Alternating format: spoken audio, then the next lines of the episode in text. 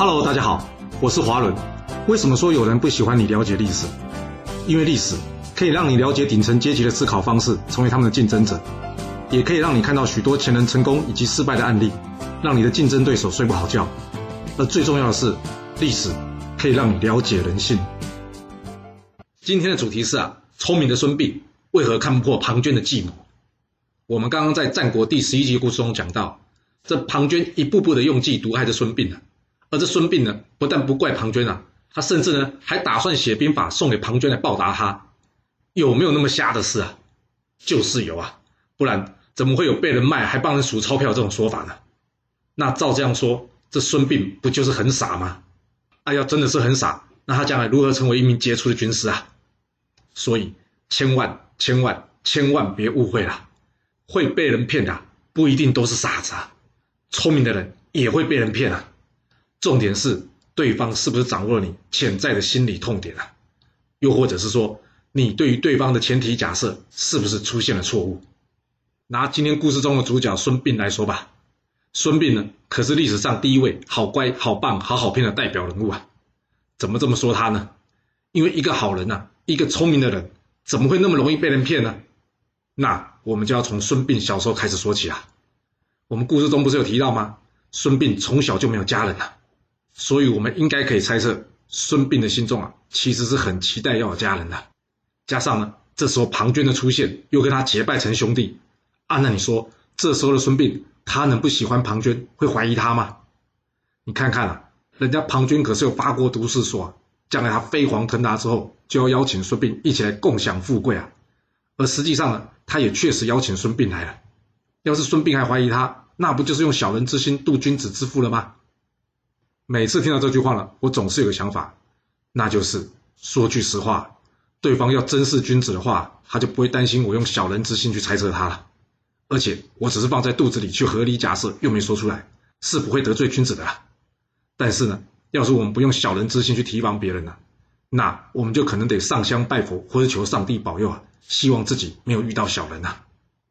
今天故事中的孙膑，要是像我一样小人一点了，他就会发现了，哎。怎么庞涓去了魏国这么久才请他？这时间上可是有一段差距的。他就算不用当面去问庞涓，但是跟魏惠王闲聊的时候，总可以试着问问看吧。另外，他一有人写家书来，庞涓就知道了，这不是也很反常吗？除非这件事是他自己说出来的，要不然不就有可能是庞涓在派人监视他吗？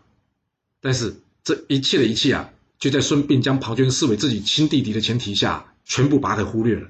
所以呢，他完全没去想过有什么不好的事情会发生在自己身上，这怎么证明呢？你看后来孙膑出事之后呢，他还请庞涓帮忙，以及之后呢，为了感谢庞涓对他救命以及照顾之恩呢，甚至打算写兵法来报答他，你就可以了解孙膑被庞涓啊可是骗得非常彻底啊。对于外人或是竞争对手啊，我们常常会有所提防，所以呢，他们就算想要算计我们，并不容易。但是要是面对好友、闺蜜、兄弟或是家人啊，我们不可能随时存在这种戒心呐，要不然整天疑神疑鬼，这生活怎么过下去啊？但不去提防又会被人暗算，那这该怎么办呢？有一个标准呢，或许可以让你参考，那就是两个字：利益。一旦环境或是人事有了变化，就会一定伴随着一些利益的冲突。比方说，你跟你的闺蜜都在找工作，你先找到了，请问你们两个之间会不会出现一些利益上的冲突？或许你会说。啊，我有工作跟他有什么关系啊？但是你别忘了，人是爱比较的，除非你的闺蜜从来不跟你比较，要不然你有的她没有，这个冲突已经悄悄然的发生了。另外还有呢，就是呢带有负面意义的玩笑话，这点呢并不是那么容易判断的。毕竟呢，若是我们主观上觉得这是玩笑话，就不会认真。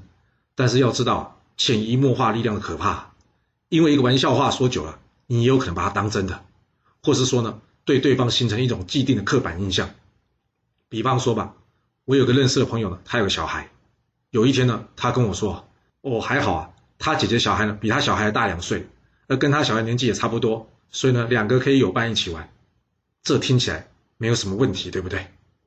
不过呢，最近我却常常听到他呢叫他姐姐三岁女儿叫皇后之类的话，你觉得皇后这个词是好还是不好啊？听不出来，对不对？好了。我们接着说吧。那我问他哎，为什么这样称呼这小朋友？我朋友回答说，因为这小朋友很霸道啊，他要大家都让着他，所以呢，我们才开玩笑的说呢，他是皇后。我心里一想，一个三岁的小孩啊，他哪里懂什么是霸道啊？这可能不是一句玩笑话，而是呢，有人想要家里的人呢，对这小孩既定印象变成这个样子。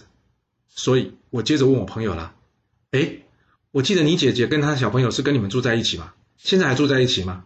还是只是放假回来玩啊？他回答我说，一直住我家，没有搬出去啊。因为他姐姐没有空带小孩啊，所以只有请他妈妈帮忙带了。问到这里，我们的对话结束了。你听出问题了吗？真的是这小孩霸道才成为皇后吗？还是有人要她变成霸道的皇后呢？孩子代表是继承权那就算没有继承权嘛，但是呢，祖父母对孙子女的爱啊，若是不同，也会有不同的待遇啊。我相信呢，这头衔呢，并不是我朋友自己加上去的，但是呢，他却已经不知不觉的跟着这样叫了。像这种可能带有负面意义的玩笑话或是关心话，若是说只说一次，我会觉得这可能是玩笑话，或者是说说者无心吧。但是要是我听到了第二次，我会觉得这就很难说是个玩笑话了。若还有第三次，那可以肯定说话之人别有用心呐。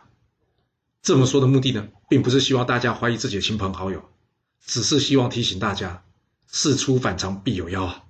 什么东西不合逻辑，或者什么言语呢，可以引导出负面的结果啊？你一定要认真的应对啊，并且仔细的观察。好人不应该是变成好乖、好棒、好好骗的人。我相信啊，让坏人没有机会做坏事，这不但是一种智慧。也是一种行善，您说是吧？若是你有其他的想法，也欢迎留言分享您的看法给大家哦。好了，我们今天就先说到这。若是你想要知道完整版的故事内容，欢迎您可以到说明栏中找到我爱故事频道的连结。要是你喜欢这个频道，还要麻烦您动动你的手指，点赞、订阅、追踪，或是给我五星评价的支持，以及留言分享哦。谢谢您来收听，我们下次再见。